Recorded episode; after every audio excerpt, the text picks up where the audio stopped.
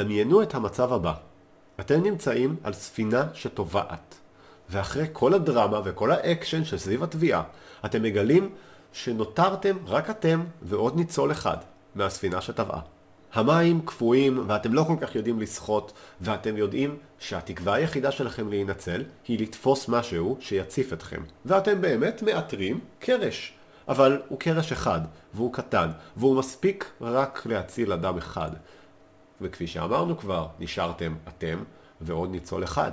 בגלל שהניצול הנוסף הוא שחיין יותר טוב מכם, הוא מגיע לקרש לפניכם, ולוקח אותו, מטפס עליו, וניצל.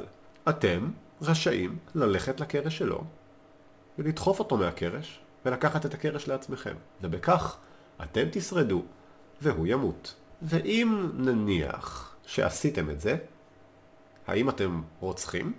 האם הרגתם אותו? האם עשיתם משהו לא בסדר?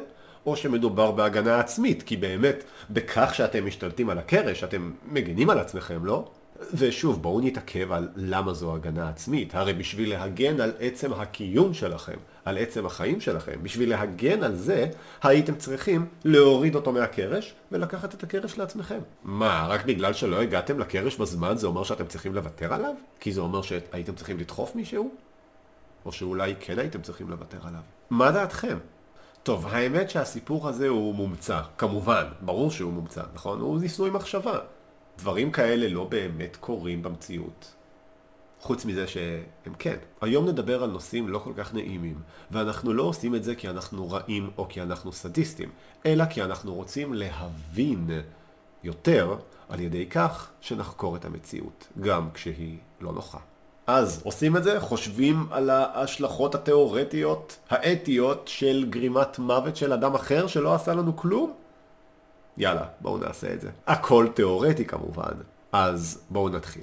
הסיפור עם הקרש הוא סיפור דמיוני שהומצא על ידי קרנאדס, הפילוסוף היווני, לפני יותר מאלפיים שנים. בואו נלך לסיפור אמיתי, דומה, ונחליט מה דעתנו עליו. אה, ואני מזהיר שהסיפורים של היום לא הולכים להיות נעימים, אז, אז תהיו חזקים, או שאל תצפו בסרטון.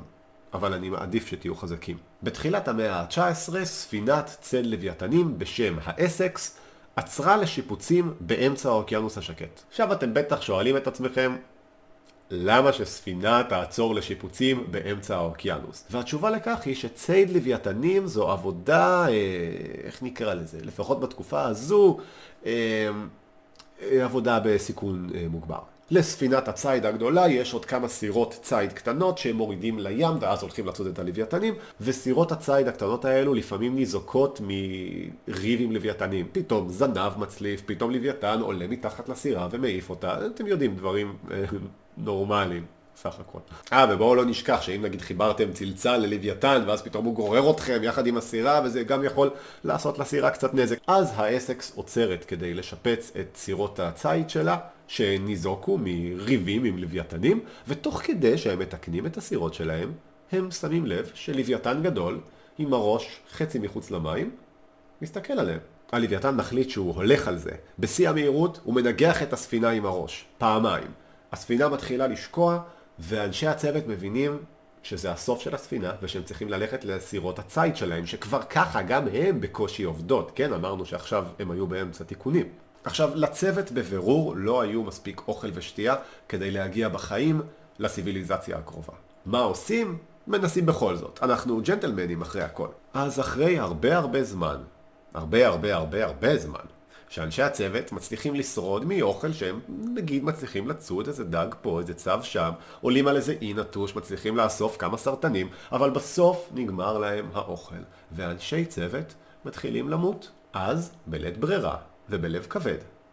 בכל פעם שמת איש צוות, לשאר יש מה לאכול. הסיוט הזה נגמר אחרי משהו כמו שלושה חודשים בים, שמונה מתוך עשרים חברי הצוות הצליחו להינצל כשהם נתקלו בספינה אחרת. אגב, חלק מהם כבר היו במצב פסיכולוגי כל כך קשה שהם אפילו לא הצליחו להבין שעוצרת לידם ספינה.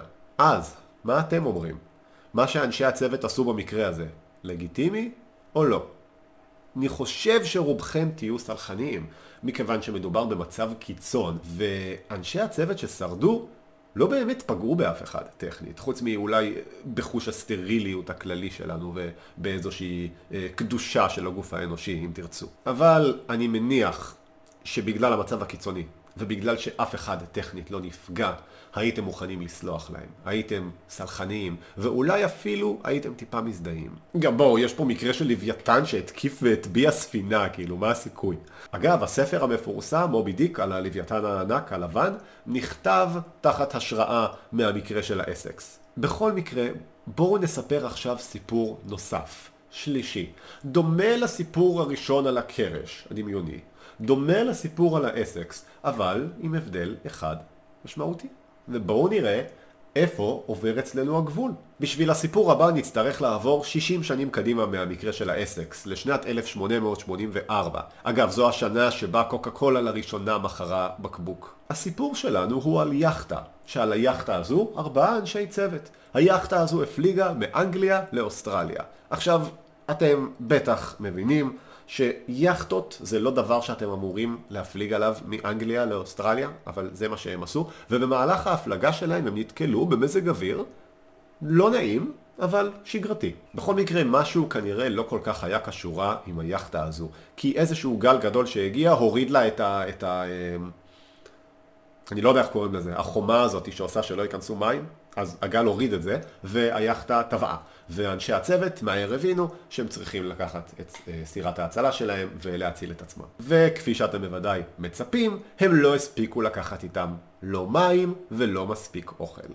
טיפה אוכל כן היה להם, והם חילקו אותו ביניהם בימים הראשונים. וגם היו להם משוטים, שזה מזל, כי בלילה הראשון הם מצאו את עצמם נלחמים נגד כרישים שבאו לאכול אותם בלילה, לפחות זה, זה מה שהם טוענים, אז המצב אה, לא נעים. אבל יש לציין שאם אני הייתי נלחם בכריש, הייתי מעדיף לעשות את זה עם משות גדול מאשר אה, בלי משות. אז את מעט האוכל שכן היה להם, הם חילקו ביניהם, אבל זה לא החזיק אחרי כמה ימים. הם גם תפסו צב ים גדול ואכלו אותו, אבל גם זה לא הספיק אחרי כמה ימים. וחבר הצוות הצעיר ביותר, בחור בן 17, שתה מי ים והתחיל להרגיש לא טוב. שזה הגיוני, כי לשתות מי ים זו דרך טובה מאוד להתייבש, כי כמות הנוזלים שהגוף שלכם משקיע כדי להיפטר מכל המלח, גבוהה יותר מכמות הנוזלים שאתם אשכרה מכניסים. אז, אז אם אתם מוצאים את עצמכם במצב כזה, אל תשתו מי ים. שלושת חברי הצוות האחרים עוד היו במצב יותר טוב, כי הם כנראה נמנעו מלשתות מי ים. אז, אחרי משהו כמו שלושה שבועות, הבחור הצעיר כבר היה בקומה, וחברי הצוות האחרים החליטו שמאחר שלהם יש נשים ומשפחות, ולנער הגוסס הזה, שבתרדמת, מולם, אין, אולי עדיף שהם יעשו משהו כדי שהם יוכלו לשרוד. אולי להקריב אותו. הם גם הגיעו למסקנה שעדיף שהם יעשו את המעשה בעצמם, כי אם יעבור יותר מדי זמן, הדם יכול להתחיל להיקרש, ו- ואמרנו כבר שהם צמאים. כן, אמ- אמ- אמרתי כבר ש- ש- שהיום הסיפורים הם, הם, לא, הם לא נעימים. בכל מקרה, חמישה ימים אחרי המעשה, הם חולצו. אגב, השם של הבחור הצעיר הזה הוא ריצ'רד פארקר. מוכר לכם מאיפשהו? אם ראיתם את הסרט או קראתם את הספר חיי פאי, אתם יודעים שריצ'רד פארקר זה השם של הנמר. רק שבספר או בסרט, הנמר הוא הטורף ולא הנטרף. אז אני מניח שריצ'רד פארקר היקר זכה לחיי הנצח שלו בדרך זו או אחרת, וגם בסוף הוא הטורף. בכל מקרה, מה דעתכם על הסיפור הזה? לגיטימי או לא לגיטימי? שוב, יש פה מצב קיצון, אבל מה ההבדל מהסיפור הקודם? ההבדל הוא האקט עצמו של ההריגה. בשני המקרים מדובר על מצב קיצון. בשני המקרים היו דברים שיפה שלא נדבר עליהם יותר מדי. אבל במקרה השני היה את האקט של ההריגה. גם אם האדם היה כבר בקומה, שם נראה לנו שעובר איזשהו קו אדום. יכול להיות שאנחנו עדיין נצדיק את זה, אבל יהיה לנו קצת יותר קשה להצדיק את זה. אגב, התקרית הזו הובאה גם מול בית המשפט הבריטי. מה אתם אומרים? מה הוחלט? רצח או לא רצח? אני לא אגלה לכם. סתם, אני אגלה לכם. רצח. הם הורשעו ברצח. כי, כי מבחינת החוק התעקשו שאסור להרוג, נקודה.